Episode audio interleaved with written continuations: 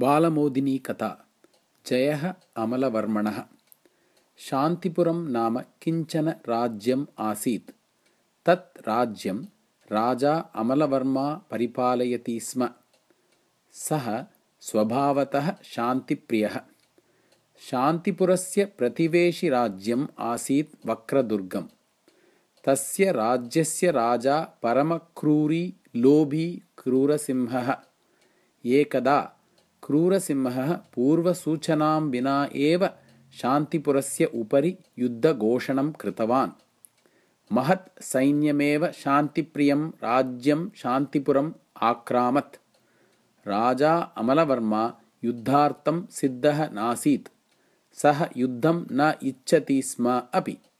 युद्धमेव यथा न प्रवर्तेत तथा कर्तुं कः मार्गः भवितुम् अर्हति इति सः बहुधा अचिन्तयत्। अचिरादेव सः मक्षिकाणां महाराजेन मक्षीशेन मिलितवान्। क्रूरसिंहेन सह युद्धं कृत्वा तं पराजेतुं तस्य साहाय्यं पृष्टवान् च। मक्षीशः सहर्षम् आत्मविश्वासेन च उक्तवान् अहं तं लीलया पराजयिष्ये इति। तदा राजा अमलवर्मा पृष्टवान् तत् कथं शक्येत क्रूरसिंहस्य तु सैन्यं महत्। तद् भवान् कथं पराजेतुं शक्नुयात्? मया किं वा साहाय्यं करणीयम् इति। तदा मक्षीशः अवदत् युद्धे भवतः साहाय्यं न आवश्यकं मम। तत् कार्यं कर्तुं मम सैन्यमेव पर्याप्तं। मम एका एव प्रार्थना। नाम युद्धतः प्रत्यागमनानन्तरं भवतः राज्ये वासार्थम् अनुमतिः दातव्या अस्माकं कृते इति। इति अमात्यैः सह विस्तरेण चर्चा कृत्वा राजा अमलवर्मा मक्षीशस्य प्रार्थनाम् अङ्गीकृतवान्। मक्षिकाणां राजा सानन्दं गायन् उड्डीय गतवान्। अनुक्षणं राजा अमलवर्मा गुप्तचराणां मुख्यम् आहूय मक्षिकाः युद्धरङ्गे किं कुर्वन्ति इति अवलोक्य मां निवेदयतु इति आज्ञापितवान्। युद्धार्थं प्रस्थिताः मक्षिकाः आदौ सर्वविधान् रोगाणून् सङ्गृहीतवत्यः। ततः ताः शत्रोः क्रूरसिंहस्य युद्धशिबिरं प्रविष्टवत्यः। ताः तत्र स्थापितान् आहारपदार्थान् सर्वान् कलुषीकृतवत्यः।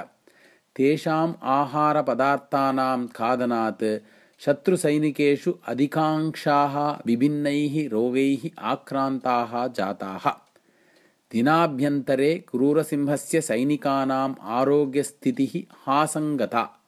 ते युद्धमनस्काः अपि नासन्।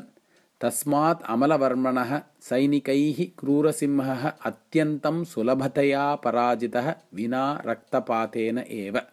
परेद्यवि एव मक्षीशः राज्ञः अमलवर्मणः राज्यं प्रत्यागतवान्।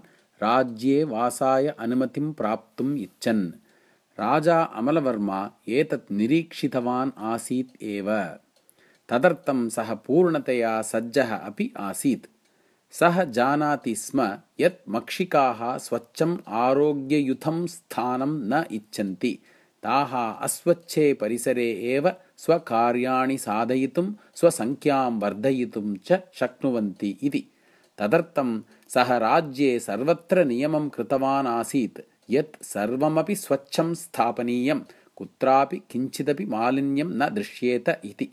मक्षिकाणां महाराजः मक्षीशः अमलवर्मणः अनुज्ञां प्राप्य नितरां सन्तुष्टः जातः परन्तु सः च सन्तोषः दीर्घकालं न अतिष्ठत्।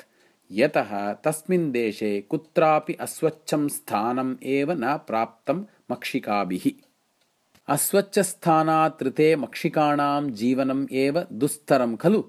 अतः ताः तादृशं मलिनं स्थानम् अन्विष्यन्त्यः अन्यत्र गतवत्यः एवं राजा अमलवर्मा स्वस्य विवेकायुधेन महाराजं क्रूरसिंहं मक्षिकाणां महाराजं मक्षीशं च पराजित्य शान्त्या शान्तिपुरं परिपालितवान्